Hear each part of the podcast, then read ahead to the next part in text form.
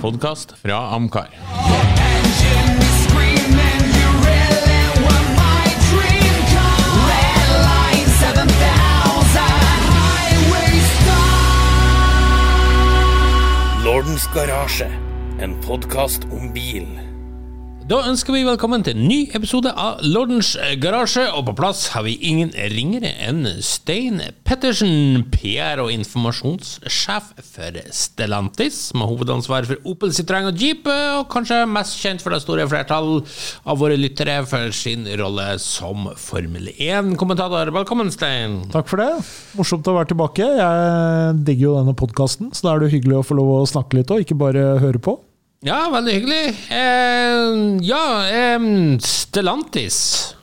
Ja, Stellantis er jo en eh, ganske et, et, stort, et, et stort konsern. Ja, hvordan, Med- med skal, skal vi forklare det enkelt til folk der ute? Det er sikkert mange som ikke helt vet faktisk hva Stellantis er for noe. Nei, du kan si uh, Det har jo vært ganske mange konsolideringer i bilbransjen. Uh, og i de siste årene så har jo en del av de hoppa litt fram og tilbake. Mange er jo sikkert kjent med, med Chrysler. Ja. Bare litt ebola, ingen grunn til bekymring. Den er seriøs. Du, eh, det er jo sånn at eh, man husker jo kanskje folk som, eh, folk som er interessert i amerikanske biler. Da. De, eh, de husker jo sikkert dette famøse samarbeidet mellom Daimler og Chrysler f.eks. Eh, som jo førte til en eh, del bra ting, men også en del eh, ting som vi gjerne vil glemme.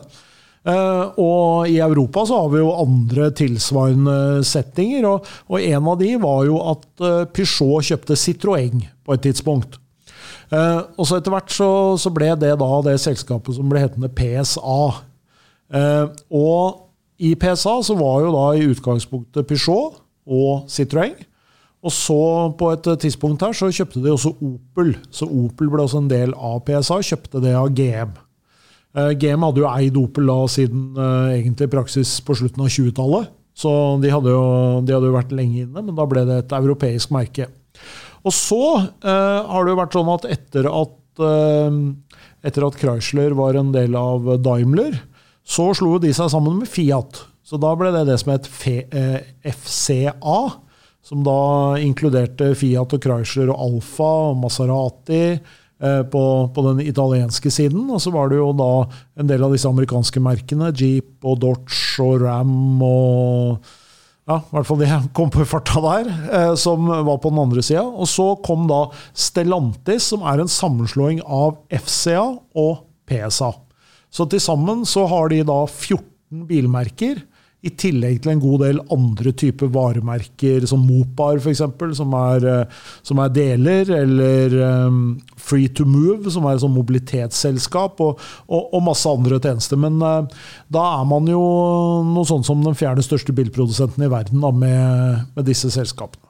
Ja, og så vil jeg jo gjerne understreke at i de 14 merkene så synes jeg det er veldig mye gøyale merker. Mange merker som er regelrett entusiastmerker, og merker som har mye fett på plakaten. Og jeg kan jo nevne de 14 merkene.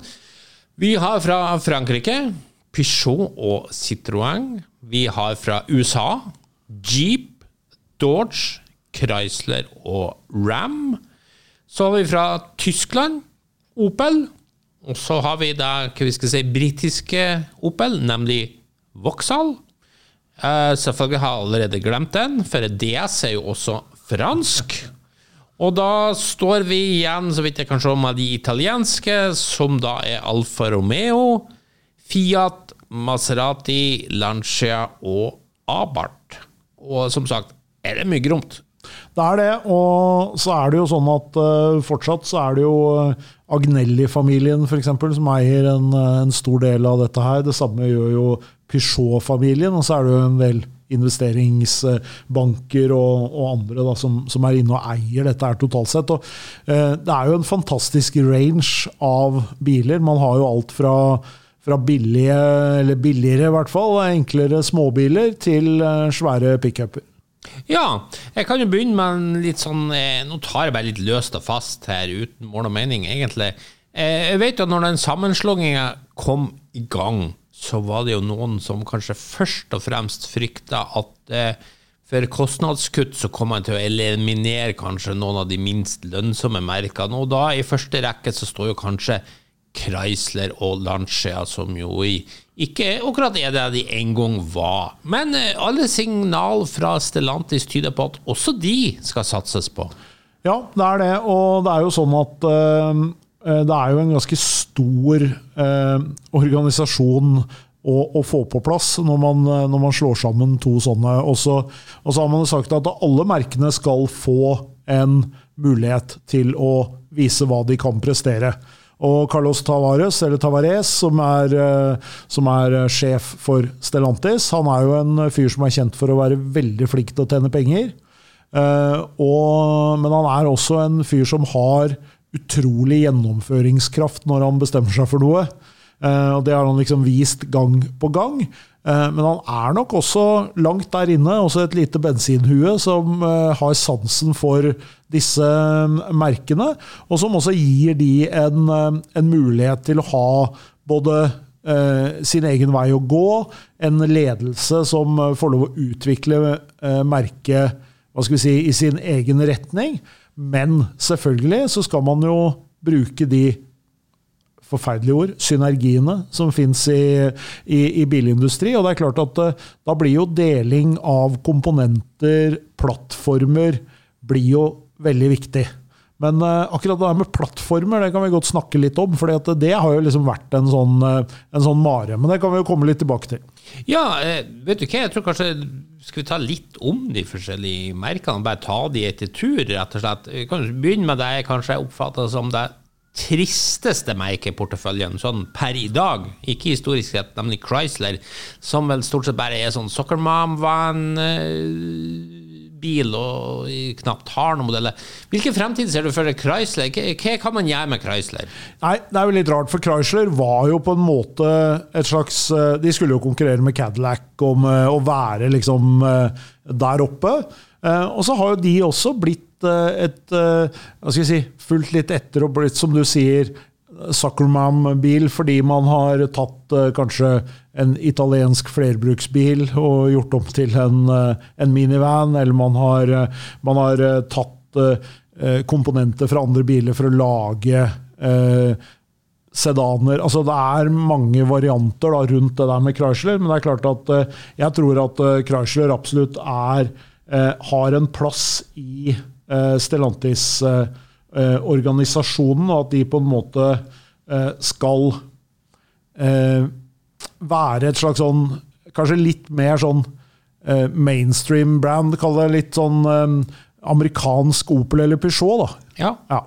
Og at der er det en eh, Det er jo veldig mange amerikanere i dag som kjører eh, japanske biler, eh, kanskje, istedenfor å kjøre amerikanske biler.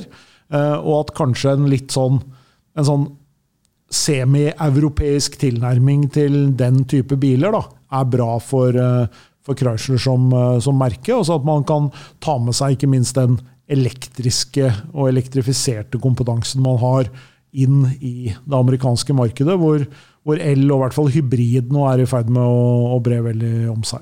Mm.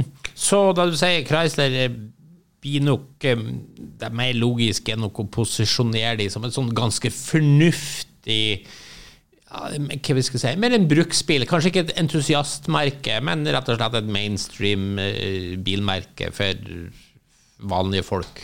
Jeg tror nok at eh, man eh, nok ikke er akkurat der som man var på 60- og 70-tallet med, med Chrysler. Den plassen er nok kanskje heller Dodge som, som skal ha. Ja. Eh, med litt mer Der snakker man jo om Der snakker man jo om å lage eh, elektriske muskelbiler. Ja, Vi kan godt ta Dodge, siden du nå nevner det. Eh, Det er jo på mange måter vært eh, bilverdenens rampegutt de siste 20 år, med veldig satsing på muskelbiler. Her er det hestekrefter og store Hemi V8-motorer som gjelder. Herlige reklamefilmer, spør du meg, er det bare masse spøling og herjing og, null altså de her typiske i mine øyne litt kjedelige, kanskje grønne budskapet som ofte selges inn. Men Har det noe fremtid i dagens bilverden? Som du sier, ja, de har vist fram noen elektriske muskelbiler. Men vil det lykkes? Er markedet klar for noe sånt? Eller har Dodge, kan det her slå begge veier? Nei, jeg tror eh, at både Charger og Challenger og, og de modellene som vi, som vi kjenner der, de har de alle intensjoner om å, å, å fortsette med. Men som du sier, antageligvis kanskje i en eh, elektrisk form på et eller annet tidspunkt fram i tid. Men er folk klar for det? Litt sånn som med Formel 1. Er folk klar for Noen har jo sagt det aldri skal bli elektrisk Formel 1, men du skjønner, ville den kjernefansen var Nei, jeg tror at eh, det er et eh, altså, og det gjelder jo veldig mange av de merkene vi snakker om her i dag, egentlig. Eh, De har jo veldig lange tradisjoner. De aller fleste av de merkene som, som er en del av Stellantis i dag, de er jo starta eh, en eller annen gang mellom eh, slutten av 1800-tallet og fram til rundt krig, andre verdenskrig, liksom. Og de har jo den historien bakover. Og folk som oss, som har kjørt bil i mange år, og som har kommet opp i en viss alder, vi har nok et, en slags blanding av et sånn nostalgisk og, eh, og et sånt entusiastisk tilnærming til hvordan en, eh, en, eh, en, en muskelbil skal være. Fordi lyd f.eks. er ekstremt viktig. Og jeg tror helt klart at lyd og, og fossilt drivstoff kommer til å være en veldig sentral del av verdens bilindustri i mange år fremover, selv om det ikke ser sånn ut i Norge akkurat nå. Eh, Men det er heller ikke noe tvil om at man skal være ganske Man skal nok være ganske naiv hvis man tenker at eh, dette er bare noe som skjer i Norge. Fordi at eh, Når man ser hvordan de store produsentene nå fokuserer, f.eks. GM, som til og med har forandra på logoen sin for at den skal ha en mer elektrisk tilnærming eh, Det er ikke noe tvil om at de er på vei i en helelektrisk retning, de også. Og det vil skje med, med disse, disse muskelbilene. Og så er spørsmålet er om, om våre unger kommer til å ha det samme behovet for å ha den eh, V8-lyden. Det kan godt hende at eh, det å legge to fete striper eh, på asfalten er like kult for dem å gjøre med en elbil som det er med en, eh, en fossildrevet bil. Så jeg tror at vi må jeg tror ikke vi har noe valg. Jeg skal ikke si dessverre, jeg tror ikke vi har noe valg. Eh, fordi at det handler ikke egentlig lenger om at man skal være politisk korrekt, men det handler om at man må være korrekt. Fordi at det er ikke noen, er ikke noen annen vei. Det er ikke noe, det er ikke noe aksept eh, på noe nivå nesten i samfunnet lenger for at man eh, på en måte bare skal gønne på med fossilt drivstoff. Og så kommer det til å være en lang, lang, lang eh, overgang. Jeg er sikker på at 90% av de som hører på denne podkasten her, de kommer aldri til å bli ramma av noe slags forbud eller noen restriksjoner utover det de selvfølgelig føler på i dag, om at de må kjøre elektrisk bil. Men det, det kommer ikke til å være sånn at hvis du har en eh, Altså hvis du har en eh, 66-modell eh, V8, så får du ikke lov å kjøre ute. Liksom. Er ikke, vi er ikke der. Men jeg tror ikke at eh, vi skal tro at det kommer til å produsere Hemi V8-ere i all evighet. Altså. Nei, eh, de har jo kunngjort slutten på, på det, så eh, ja, interessant. Eh, Vi får se hva som skjer der.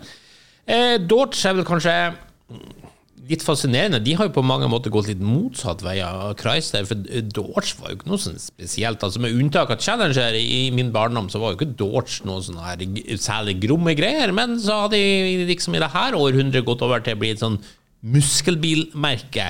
Så de er veldig entusiastmerke, og da finner vi òg et av mine absolutt favorittmerker på denne Stellantis-lista, nemlig Lancia.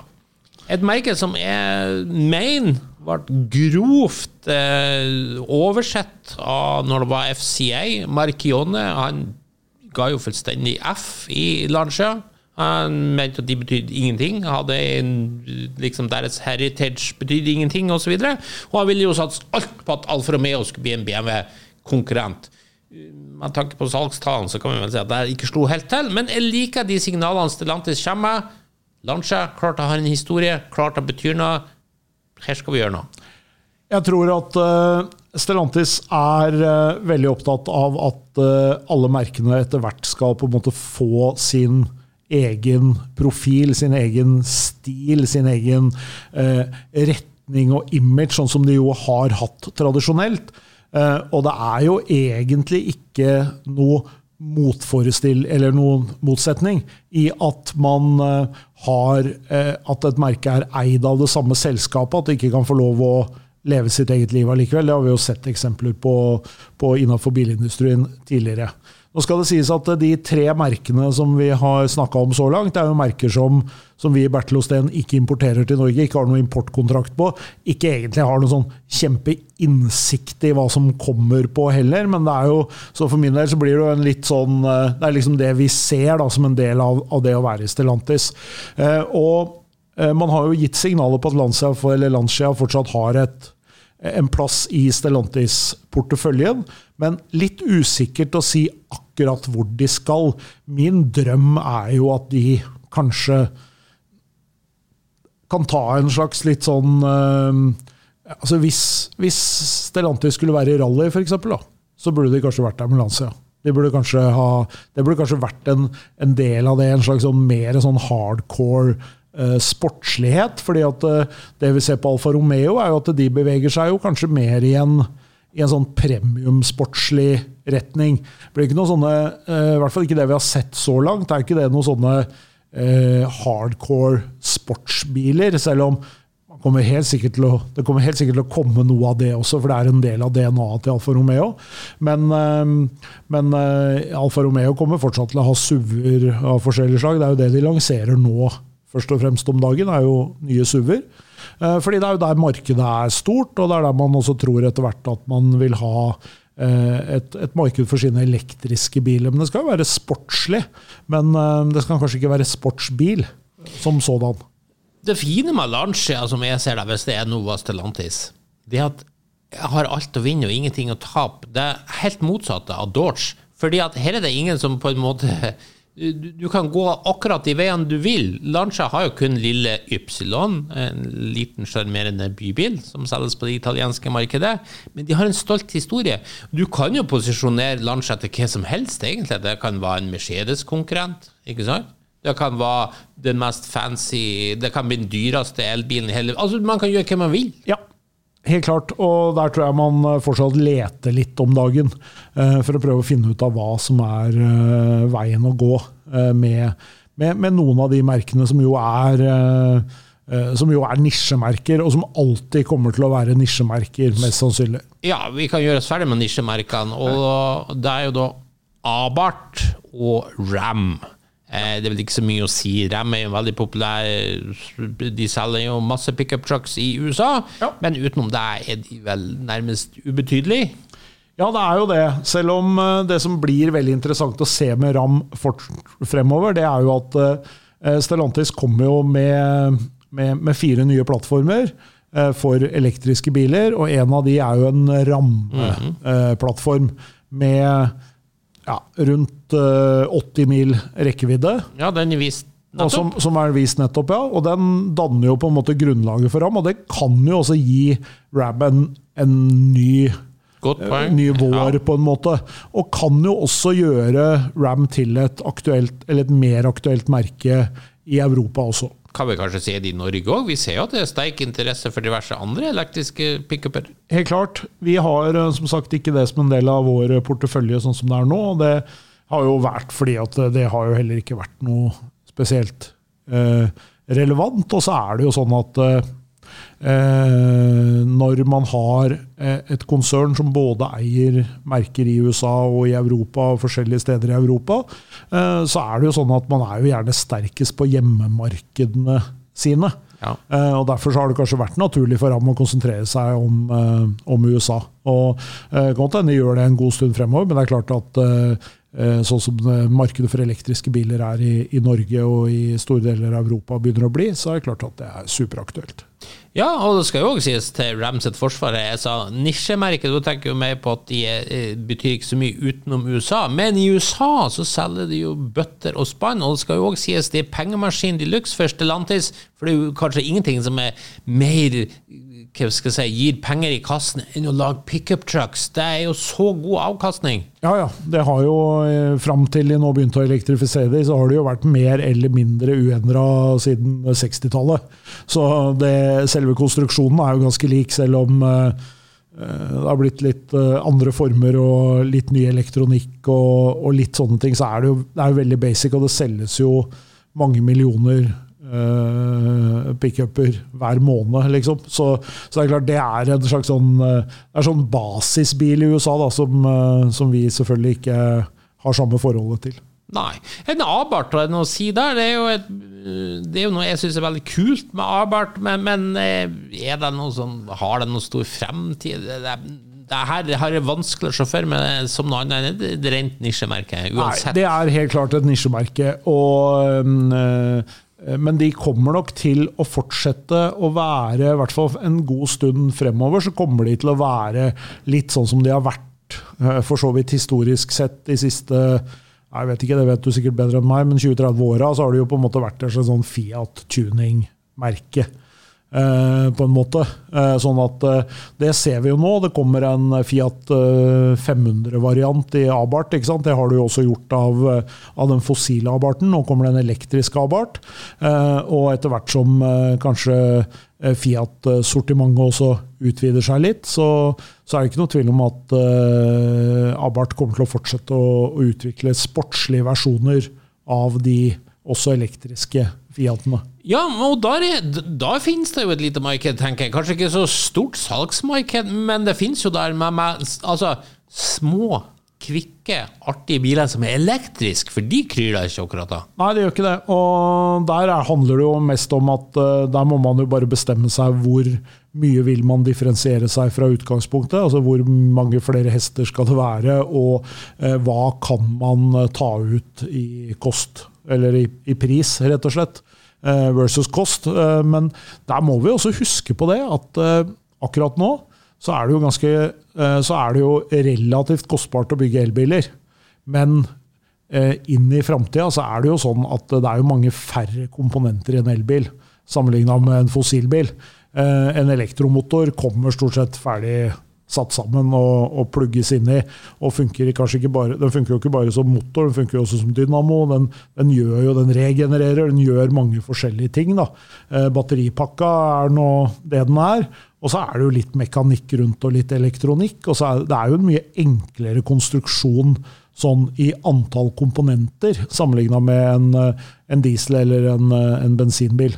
Så, så på sikt så vil jeg jo tro at det faktisk kanskje blir lettere å optimalisere eh, med sportslige varianter av disse elbilene. Så er jo spørsmålet da eh, Altså, Hva skal man gjøre? Skal det bare være stivere? Skal det være mye kraftigere? Hva skal det være? Kommer det til å være sånn at du kan eh, nærmest bare gå inn på skjermen og betale for å få Abarth-versjonen av uh, din egen Fiat 500 de sju dagene om sommeren hvor du har lyst til å kjøre fort på, på, på veien? Eller, eller kommer det til å være veldig mye design, som vi også ser at Abarth har vært gode på? Da. De bygger jo tøffe biler, og, og, og Fiat og Abarth er jo, har jo dette litt sånn retrostuket på, på det de driver med. Uh, det tror jeg det kommer til å være et marked for i lang tid framover. Ja. Hvis vi da tar eh, kanskje stikk motsatt av Abarth, men fortsatt med italiensk passion, så det holder, nemlig Maserati, som jo er det største prestisjemerket her i Stellantis sin portefølje. De har jo også begynt med elektriske biler, er jo nå med i Formel E også, og har vel signalisert at da vil man gå bort fra forbrenningsmotoren på, på sikt. Men vil man egentlig det? Sånn, Ferrari har jo sagt at eh, de vil nok gjerne satse på to hester her. Det tror jeg nok eh, helt sikkert at man vil gjøre for eh, at man vil gjøre for Maserati også. Maserati er jo også et merke som ikke vi har i vår importportefølje, men som jo fins i Norge. Eh, og Der har du jo den Grekale, eksempel, som, eh, som kommer nå. og Det kommer en det kom vel en ny Grand Turismo. Det, det skjer jo mye. Men jeg var på, på Balocco, altså på testbanen til ja, som nå er testbanen til Stellantis, da, men som var testbanen til Alfa Romeo og Maserati tidligere. Eh, og der gikk det mm, for å si sånn, der gikk det fossilbiler og elbiler fra Maserati om hverandre på banen på testing.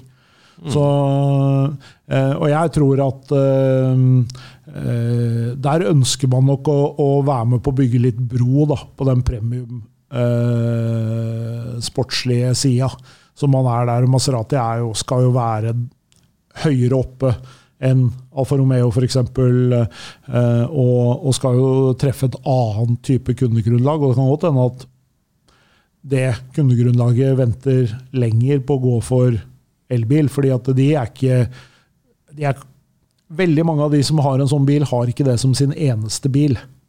Eh, sånn at eh, Det betyr at eh, kanskje har de en mer hendig elektrisk bil å kjøre med når de trenger det, og så har de kanskje en, en Maserati med fossilmotor når de har lyst til å kjøre det. Men, men samtidig så må du tenke på at det er mange som er opptatt av hvordan de oppfattes også i en sånn setting. og Hvis du føler at du får mye av det samme hvis du føler at du får mye av den samme statusen, mye av den samme opplevelsen, kanskje kjøreopplevelsen, eh, i, en, i en sånn elektrisk GT-bil, som vi kanskje snakker om her. Godt hende det er mange som velger det kontra en, eh, en V8-er. Ja, ja, jeg tror nok du har rett i. Um, eh, Maserati, da føler jeg det er fint å gå over til et annet bilmerke som har mye pene interiør, nemlig DS. Og da er vi også over på de merkene dere har i porteføljen deres. Det er riktig, og DS er jo et, eh, er jo et merke som eh, eh, på en måte vokste ut av Citroën. Man hadde jo en periode der hvor man hadde DS-modeller som en del av Citroën-modellutvalget. Og så ble det jo tatt ut eh, for å satses på å være et eh, premiummerke og et mer Hva skal vi si? Kanskje et, et merke hvor eh, man kan slippe innovasjoner og nye ting tidligere. Fordi betalingsviljen da også er tenkt å være høyere for, for det. Og det ser man jo på elektrifiseringsplanen til Stellantis totalt sett også. At veldig mye av det kommer jo etter planen på premiummerkene først, og så følger de andre merkene etter. Men nå er man på en måte i en sånn, i en sånn skyv som gjør at det, det kommer ikke til å være kjempestor tidsforskjell på når ting kommer på de forskjellige merkene. Men, men, eh, men det skal jo være skal jo være en, en annen opplevelse. skal jo være det fransk, skal være fransk premium. Det skal være komfortabelt, det skal være stille, det skal være eksklusivt. Det skal være materialvalg som, eh, som, som kjennes og er dyre sammenligna med, med andre biler. Eh, Og så skal man ha et designspråk som også på en måte eh, er veldig inspirert av det, av det franske. da, Og tar det med seg inn. Og så er det klart at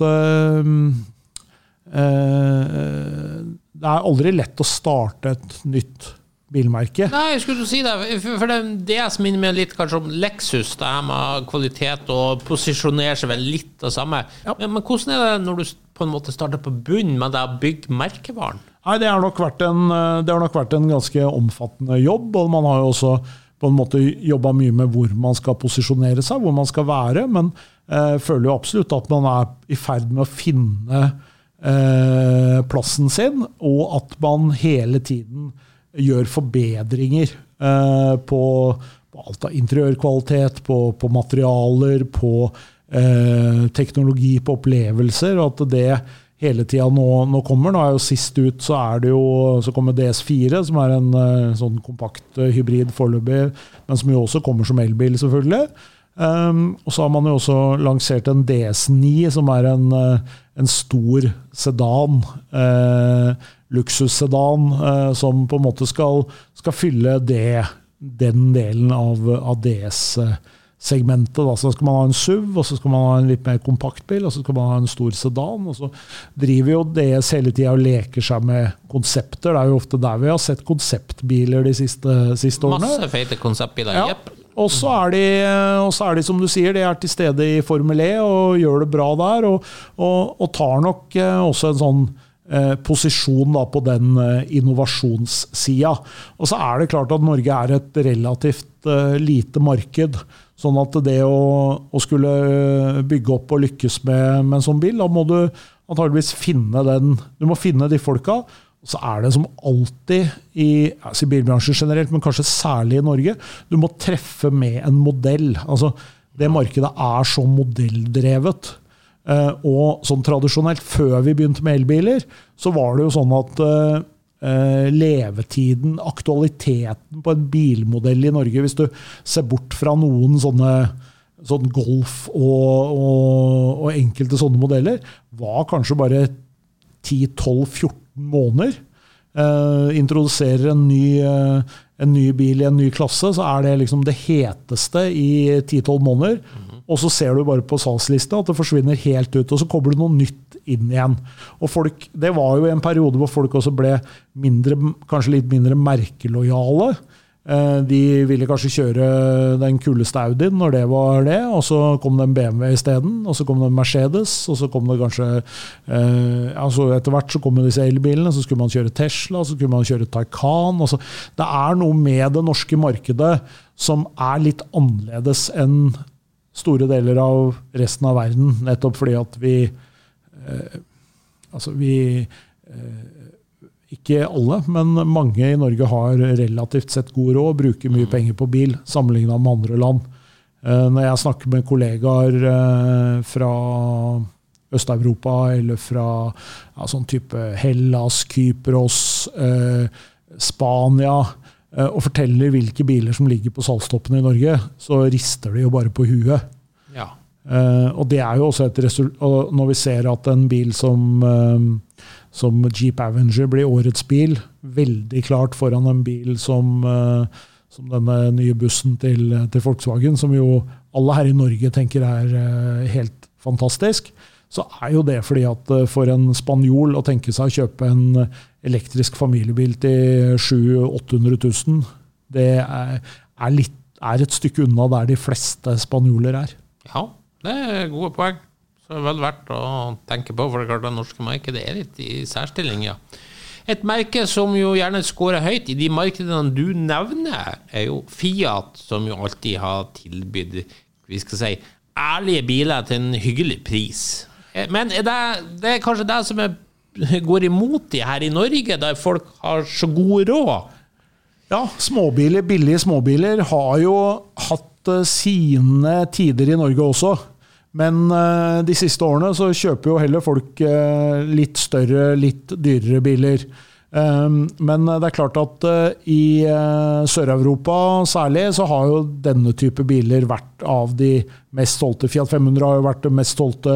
Eh, Opel Corsa har jo vært eh, altså Opel Corsa var den mest solgte modellen i Eller Vauxhall og Opel Corsa eh, var jo den mest solgte bilen uavhengig av klasse eh, i Storbritannia, f.eks. i fjor. Og Det sier jo at det, er noe med noen andre markeder som, eh, som etterspør andre biler enn det vi gjør. Og for Fiat sin del så er det nok også sånn. De har jo vært kjent for å lage eh, smarte, ærlige biler, som du sier. Eh, og nå er jo Fiat egentlig i praksis, i hvert fall på det norske markedet, og egentlig i, i store deler av Europa, så handler Fiat stort sett om Fiat 500. Den fins jo i tre forskjellige versjoner. Fins som en sånn vanlig hatchback.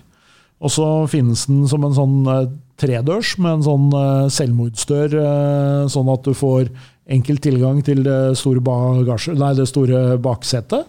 Og så har de kabrioleten, som jo er egentlig den eneste elektriske kabrioleten som det selges i noe særlig volum av. Så, så Fiat er jo på vei inn. Og så, og så vet vi jo at de òg snakker om å lage noen flere varianter. Vi husker jo fra de siste årene så har vi hatt eh, 500 L og 500 X. eh, Og at det kanskje kan komme mm, noen flere varianter. Vi vet at det planlegges en ny Fiat Panda, som skal være en, eh, en billig bil. eh, elektrisk.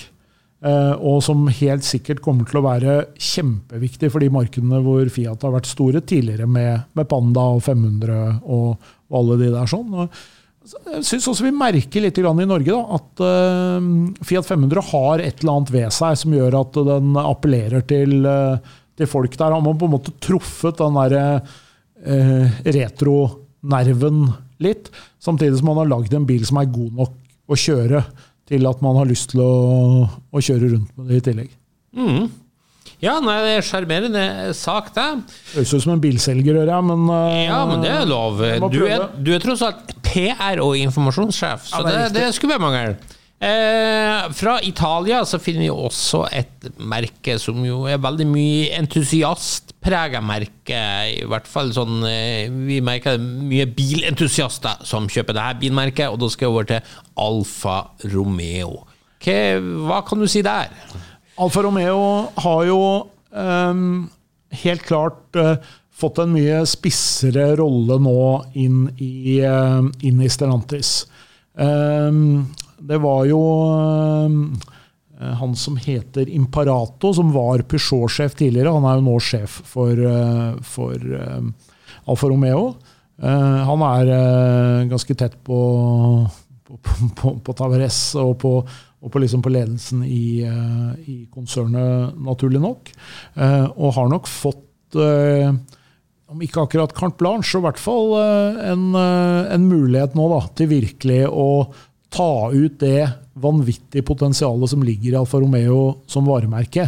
For hvis vi skal være helt ærlige, og jeg er glad i Alfa og har hatt noen, og, og det er jo sånn at du skal jo vanskelig å finne et bilmerke som har fått så mye juling eh, gjennom varierende importører, varierende kvalitet, varierende oppfølging, altså eh, posisjonering gjennom, gjennom så mange år, og allikevel ha en så sterk standing eh, som, en, som et varemerke og som en sånn entusiastbil. Det er ganske fantastisk, egentlig. Men jeg skal være kritisk, de har jo en fantastisk standing, som du sier. Men det er ikke så mange som kjøper de allikevel. Nei. Og det er jo, det er jo for så vidt også min uh, Jeg har noen diskusjoner innimellom, for jeg er jo både en sånn PR-fyr som lever av at vi selger biler.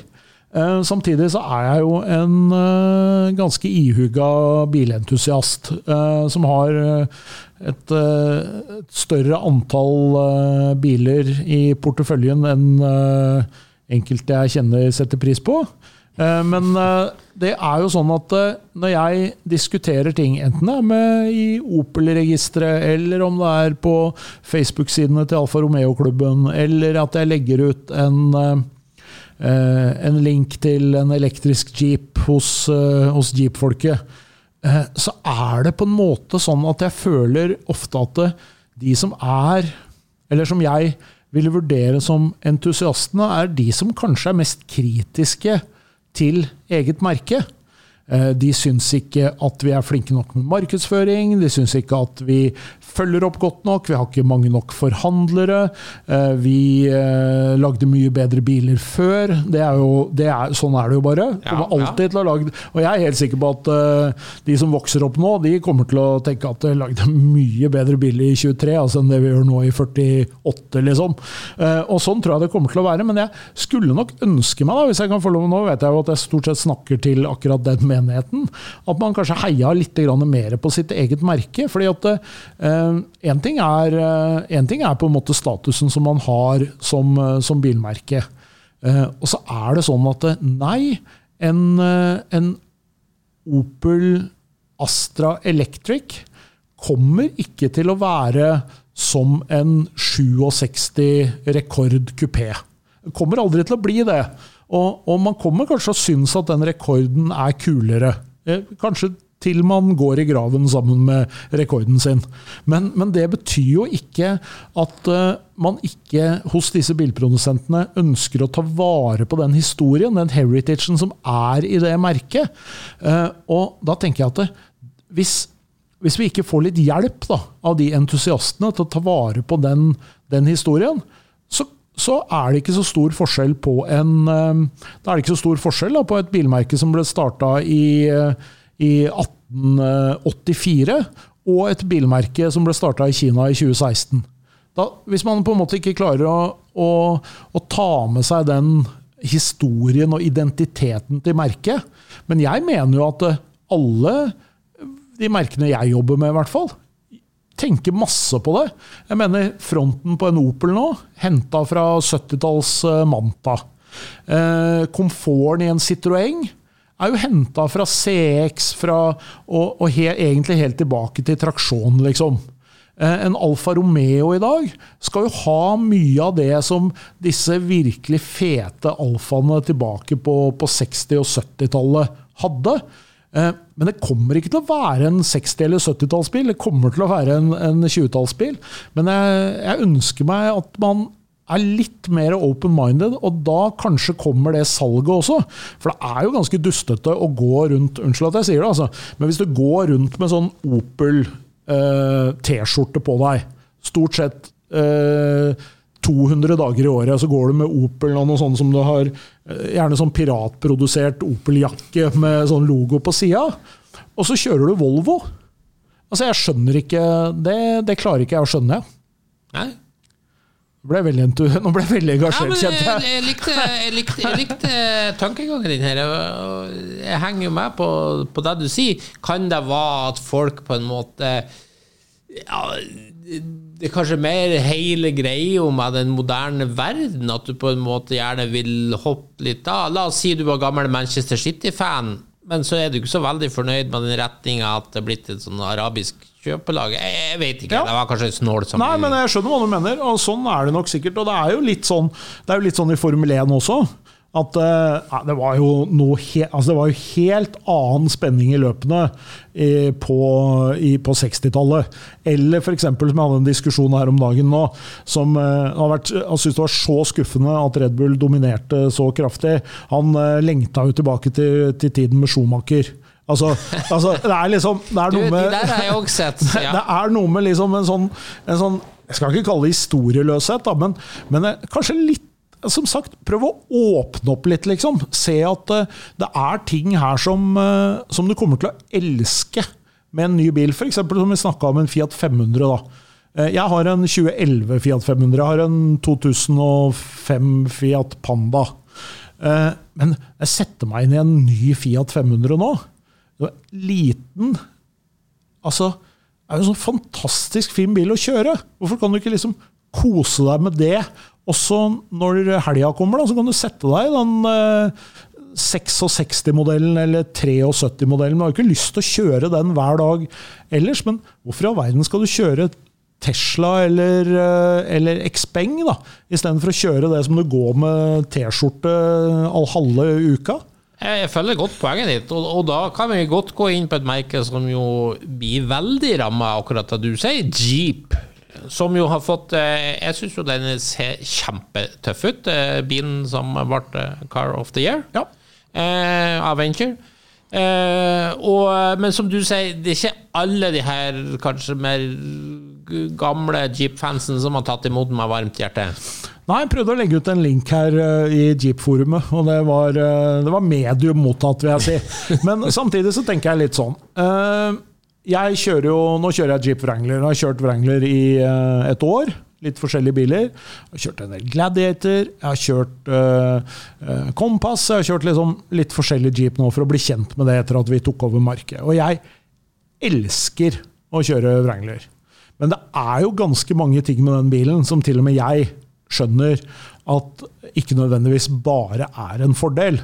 Altså, det støyer, det lekker luft ved dørene bak. Det er, liksom, det er mange ting da, når du kjøper en bil til en million kroner, som du tenker at eh, ja, jeg kan kjøre hvor jeg vil, men i Norge har jeg jo stort sett ikke lov til å kjøre der. så for å være helt ærlig, veldig mange som, som kjører sånn bil, gjør det fordi det gjør noe med deg. Altså, jeg, har blitt, nå, jeg, jeg har blitt en sånn fyr som kjører jeep når jeg går ut av den bilen på butikken. Ja, ja, ja.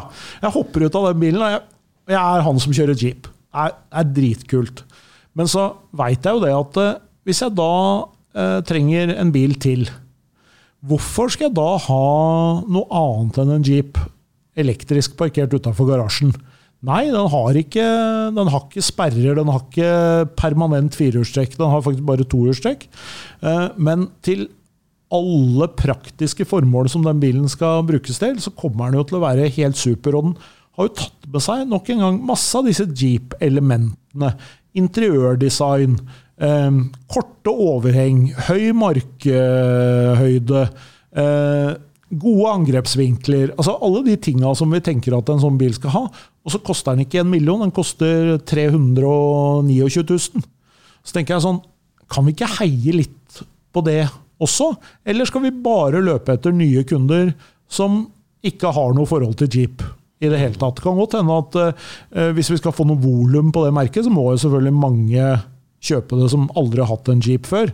Men Jeep mener jeg har en ganske, tross alt, ganske bra standing i Norge. Jeg tror at mange kommer til å ha lyst til å ha en Jeep stående utafor garasjen sin, men da kan ikke alle som elsker Jeep, snakke ned den bilen og det merket, tenker jeg. Da slår det litt sånn mot. Og så, og så er det jo sånn, hvis vi, hvis vi klarer å selge en del elektriske biler, hvis Jeep klarer å få dette her til å gå rundt, så kommer jo det også til å skape åpning for den neste generasjonen med elektriske jeeper. Det kommer jo en Recon ikke sant, som blir en elektrisk Wrangler. Det kommer svære mm, Wagoneer, det kommer Grand Wagoneer. det kommer, altså det åpner muligheten, men ett sted må man starte. Da Og da har man bestemt seg for å, å gå minste motstands vei, på en måte, og lage en, en kompakt, men fortsatt eh, jeep-aktig jeep.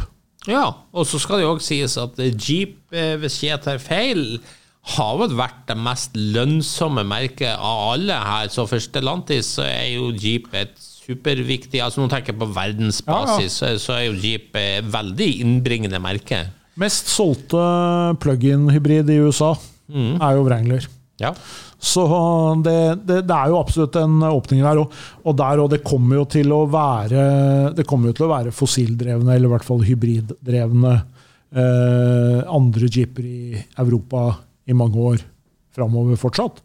Men etter hvert så vil jo de også bli erstatta. Og eh, Jeep sier jo at de skal bli eh, det beste, det mest miljøvennlige eh, SUV slash offroad-merket i verden. Ja. Og de Recon skal kunne kjøre Rubicon Trail. Eh, eh, du skal kunne lade, kjøre Rubicon Trail, kjøre tilbake igjen til byen og lade. Og du kan kjøre akkurat på de samme stedene som du kunne kjøre en Wrangler. ja. Det er imponerende. Ja, det kan bli morsomt. Jeg gleder meg. Og så har vi da Opel er jo et interessant merke, for det var jo, som du sa, et GM-merke i årtier. Men eh, GM får jo ofte tyn for å ikke være så flink kanskje å ta vare på alle merkene sine. og Saab er jo kanskje det dårligste eksempelet, eh, eller verste. Eh, mens Opel var jo òg et merke man sleit med å få overskudd på, og så solgte man det. Men så, Stellantis, det tok ikke lang tid før man klarte faktisk eh, å få Opel til å gå overskudd. Nei. Eh, nå er jo jeg PR-sjef for Opel, så jeg skal jo ikke være konspiratorisk på noen som helst måte, men jeg tenker jo at eh, det ble vel tatt en del kostnader i Europa som kom andre deler av verden til gode også, når det kom til utvikling. Fordi den operasjonen som man har i Russelsheim nå, er jo betydelig mindre enn det den var.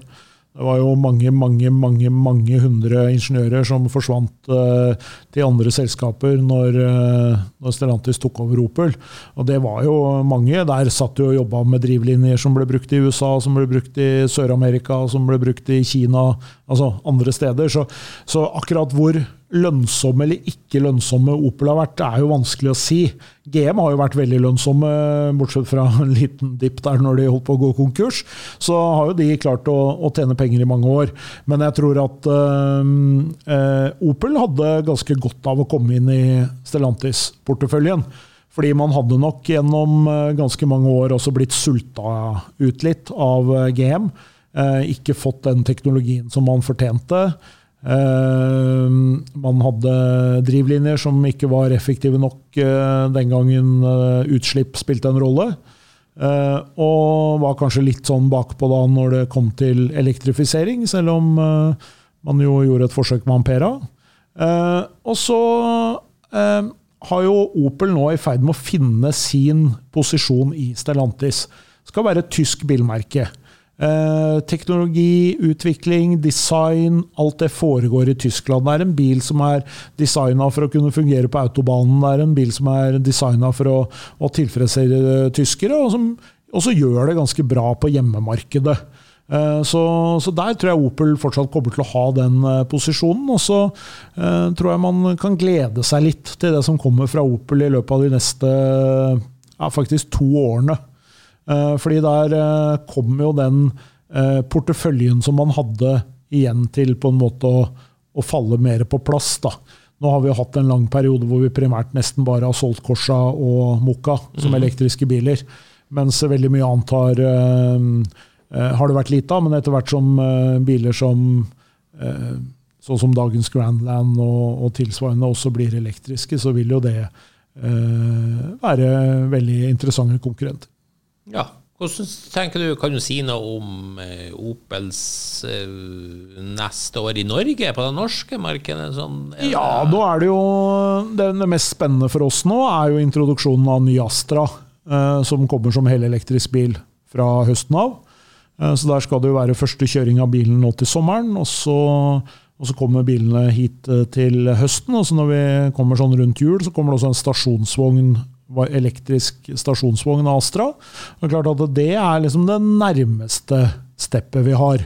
Eh, Og Det er jo en viktig bil. Astra har jo en sterk posisjon i markedet. og Så blir det interessant å se hvordan, eh, om stasjonsvogner fortsatt har en plass i, eh, i det norske bilmarkedet, eller om alle faktisk bare vil ha SUV eller småbil. At det er det eneste alternativet vi har.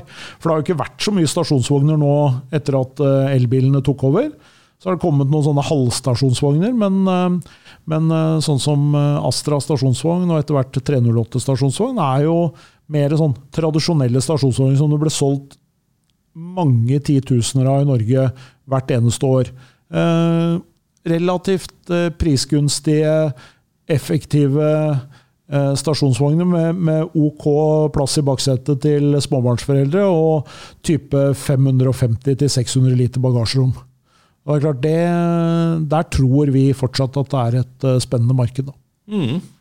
Er det, har rett i at Tyskland og England er de to viktigste markedene for Opel? Altså I England så er jo Opel Vauxhall Ja, eh, Helt klart, med god margin også. Ja. Det er, eh, og det er nok selvfølgelig også litt av de styrkene man har ved å ha jeg si, både franske, italienske og, og tyske merker i porteføljen sin, er jo at man er sterk på hjemmemarkedene. Ja.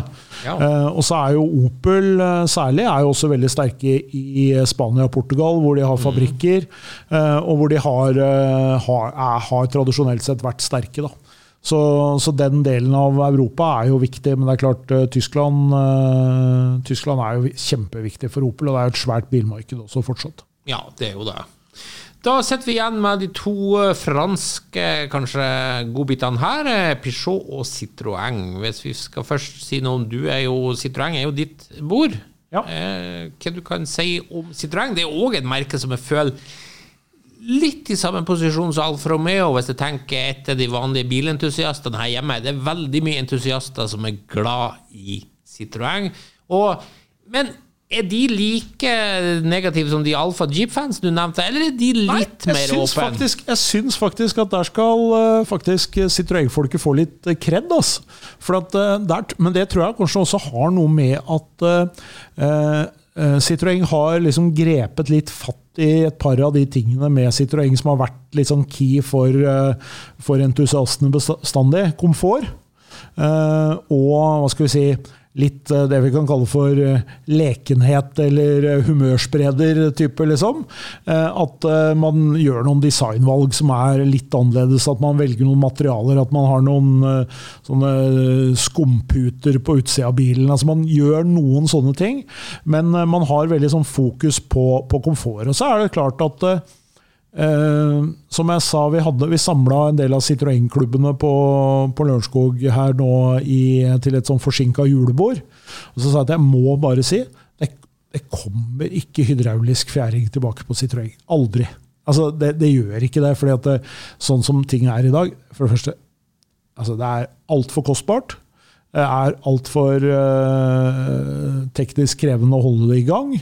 Eh, og med den elektronikken og den teknologien som man har fått nå, så klarer man jo i stor grad å skape noe som er nesten like bra.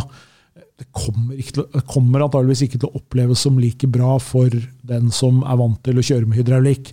Men, eh, men med disse her eh, såkalte hydraulic cushion som en, eh, som en Citroën har i dag, som er noen sånne puter som ligger i forbindelse med demperne, og som, og som tar av og som gjør at du får litt av den der hydraulikkfølelsen allikevel, i kombinasjon med at uh, man også etter hvert nå har fått mye mer avanserte, sånn som C5X, som er den uh, siste store Citroën som vi lanserte.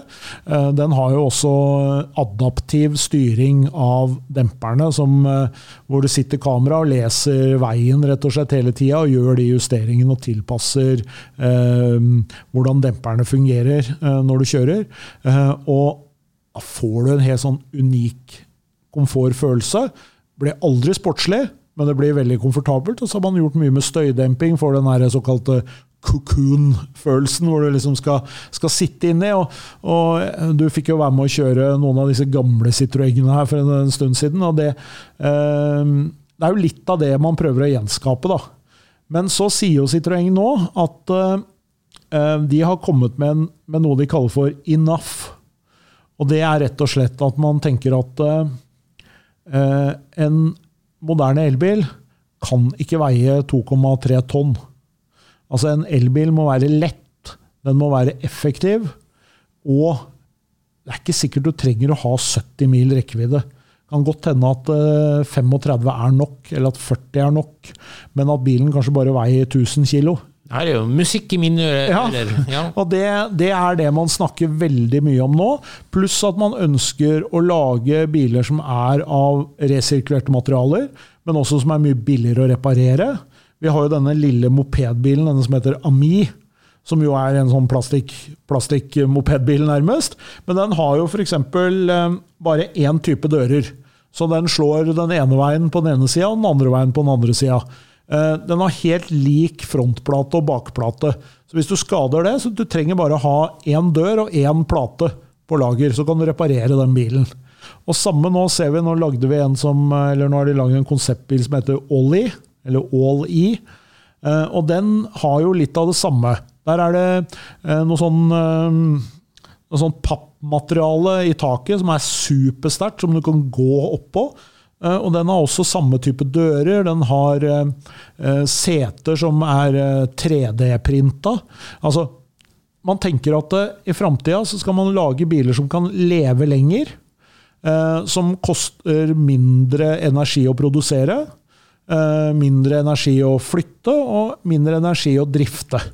Så, så Citroën kommer nok til å gå i en egen retning innafor uh, innafor Stellantis, sånn som det ser ut nå i hvert fall. Så blir ikke det svære SUV-er med firehjulstrekk.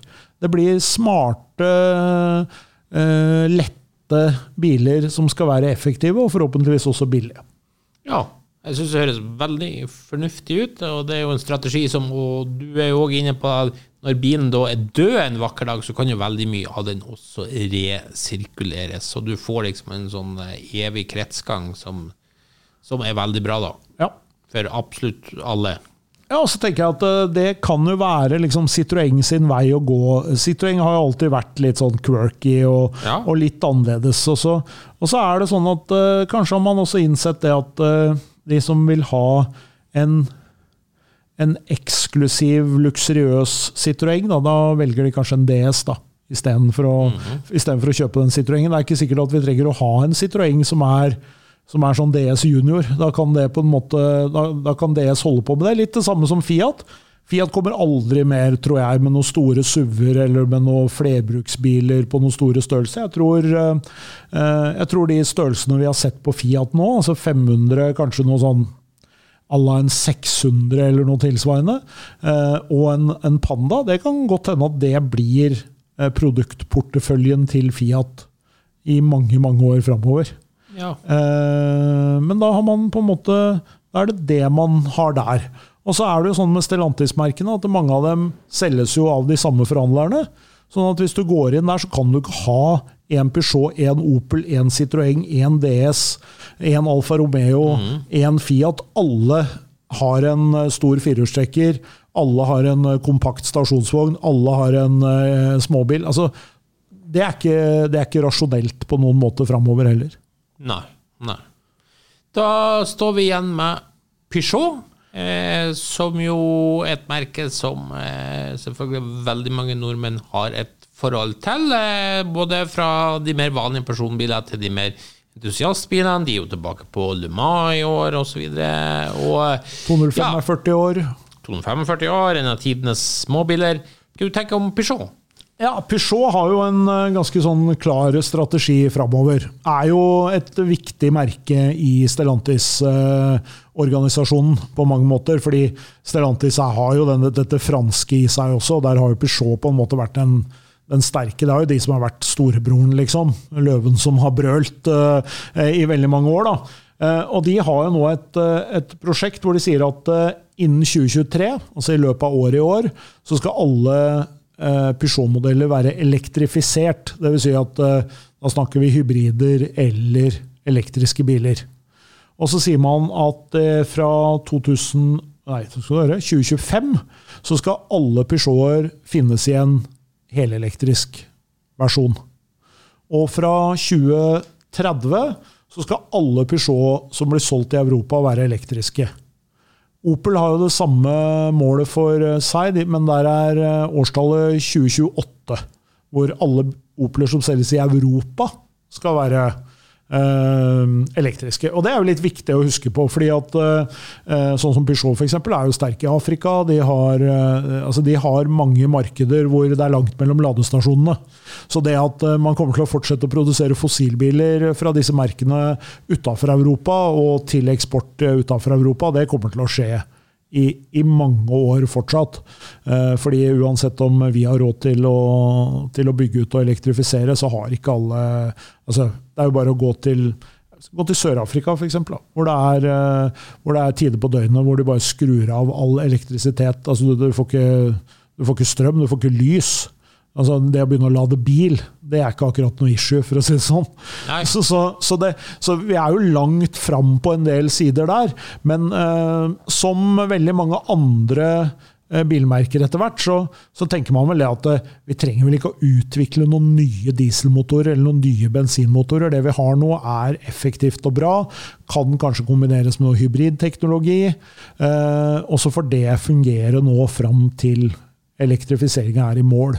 Men, Ja. eh, men det er vel det. Og så, ønsker man liksom å ønsker det kommer jo, Peugeot kommer jo til å være liksom eh, eh, det store franske familiebilmerket, ikke sant? Så de kommer til å ha sjusetere, de kommer til å ha femsetere, de kommer til å ha uh, mer sportslige varianter.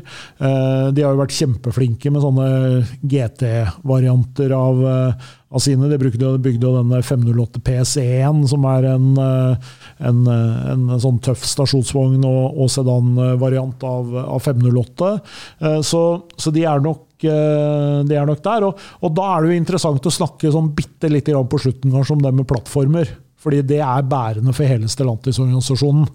Det er jo disse plattformene som de kaller for eh, SDLA, Stella, eh, plattformene. Og det er fire plattformer. Det er én small eh, plattform, hvor man snakker om rekkevidde rundt en eh, ja, et eller annet sted mellom 40 og 50 mil, kanskje. Rekkevidde på de. Eh, Så har man en medium-plattform, som skal være en plattform for, eh, for eh, kompaktbiler og, og et stykke oppover, som, blir, eh, som skal ha en rekkevidde på sånn type mellom 60 og 70 mil, kanskje. Eh, Og så har man en Stella Large, som skal være liksom den plattformen som skal være under de store SUV-ene, de store luksusbilene osv., som skal ha 80 mil rekkevidde. Og så skal man jo ha denne Stella Frame, da, som da er en, eh, en tilsvarende plattform for pickuper, for eh, ja, kanskje en neste generasjon Gladiator, som skal være kanskje tilknytta Recon. Altså en del av disse bilene, Ram osv., kommer jo på den, på den rammeplattformen. Og så, og så er det jo sånn i dag at eh, en plattform er jo ikke som å ta av karosseriet på ei boble og så har du liksom båndplata med motoren sitter der, og alt er likt der sånn. Eh, En plattform handler jo egentlig stort sett om avstanden fra foraksjeren, og der på en måte styringa sitter, og til slutten på rattet. Altså Alt som foregår mellom der, er egentlig plattformen. Hva du gjør bak rattet, kan du egentlig gjøre hva du vil. Um, men så er det klart det har litt med sånn batteri, mulighet for å pakke batterier og balanse og drivverk bak og sånn. Men sånn som det er i dag, så har jo en, um, en, en SUV eh, fra Stellantis kan jo være på samme plattform som en Berlingo varebil. Og det er jo fordi at eh, mye av det som foregår foran der, det er jo identisk, men hva du gjør bak, med bakaksjel, med, med fjæring, med lastevekt, alle de tingene der, sånn, de kan du jo justere. Og da får du en kjempestor fleksibilitet i 14 merker, samtidig som alle de 14 merkene kan bevege seg i hver sin retning. Og bli, noe kan bli supersportslig, noe kan bli superkomfortabelt, noe kan bli superbillig, eh, noe kan bli superpraktisk. Eh, og så tipper jeg at om noen år så tenker man ikke så innmari mye på at de deler en del av de komponentene, for det er vi jo vant til i dag også. Kjøper du deg en TV, så er det kanskje det er, et, det er noen få produsenter som lager de der eh, sjølve skjermene i de TV-ene. Resten er elektronikk, følelse, design, alle de tinga der. Godt poeng. Helt til slutt så vil jeg derimot avslutte med en veldig kjappis her eh, på begge to. Nå eh, ramser jeg opp eh, merker litt vilkårlig. Jeg, sier, jeg kommer ikke til å si alle.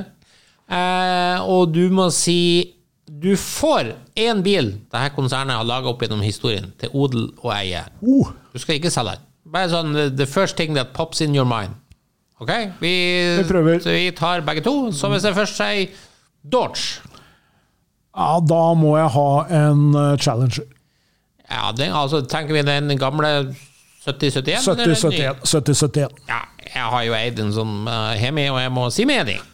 Hvis vi da sier Fiat Da vil jeg ha en Multipla. Wow! Wow. Eh, jeg tror jeg sier en Otto Vo, eh, så jeg gikk vel i helt motsatt retning. Alfa Romeo.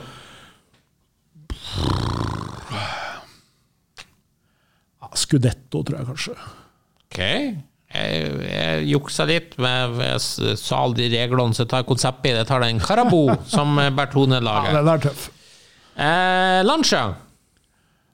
Nei, da må jeg ha en eh, Nei, da Det blir en Delta Integrale. Ja, jeg går over rallysporet Stratos. Ja. Ja. Jeg er så Eh, nøktern, jeg, vet du. Jeep. Oh, det er kjempevanskelig, for der er det veldig mye. Men jeg ønsker meg altså noe så helt intenst. En eh, Grand Wagoneer med, med Woody, liksom. Altså med sånn eh, Med teip-Woody. Altså en ordentlig sånn eh, Gjerne sånn sen 70-ish, liksom. Ja, vi har den her på huset. Jeg vet det, skjønner du. Jeg, jeg, jeg elsker den bilen. Altså, jeg, jeg, tror jeg kunne bodd i en sånn bil hvis jeg hadde fått den. Såpass, ja. Jeg går jo for der Jeep-historien starta, med den klassiske andre verdenskrig-jeepen. Om det er Ford eller Willy, spiller ingen rolle. Um, hvis jeg da sier Opel Da vet jeg jo et hjertemerke som ligger ditt hjerte veldig nært.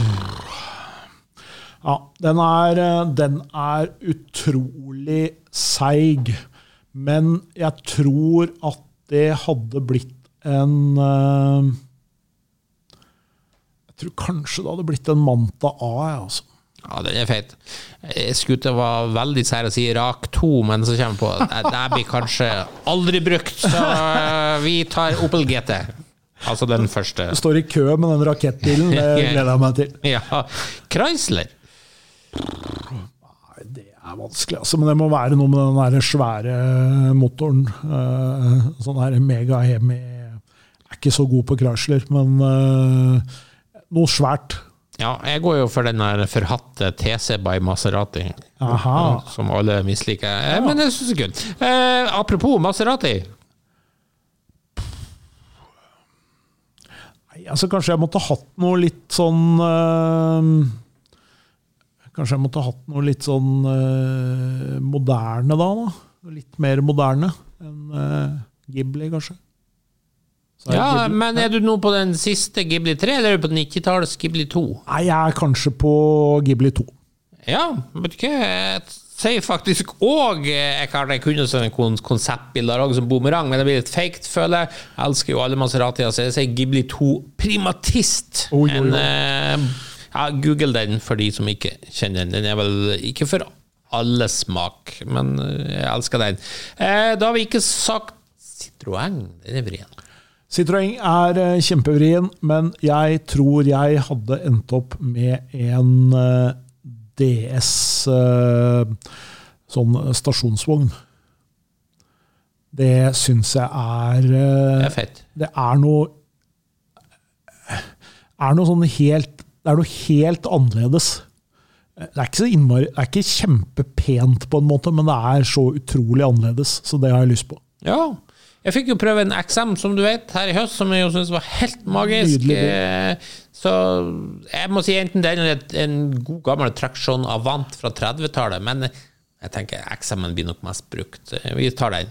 Og til slutt, Peugeot 205 GTI.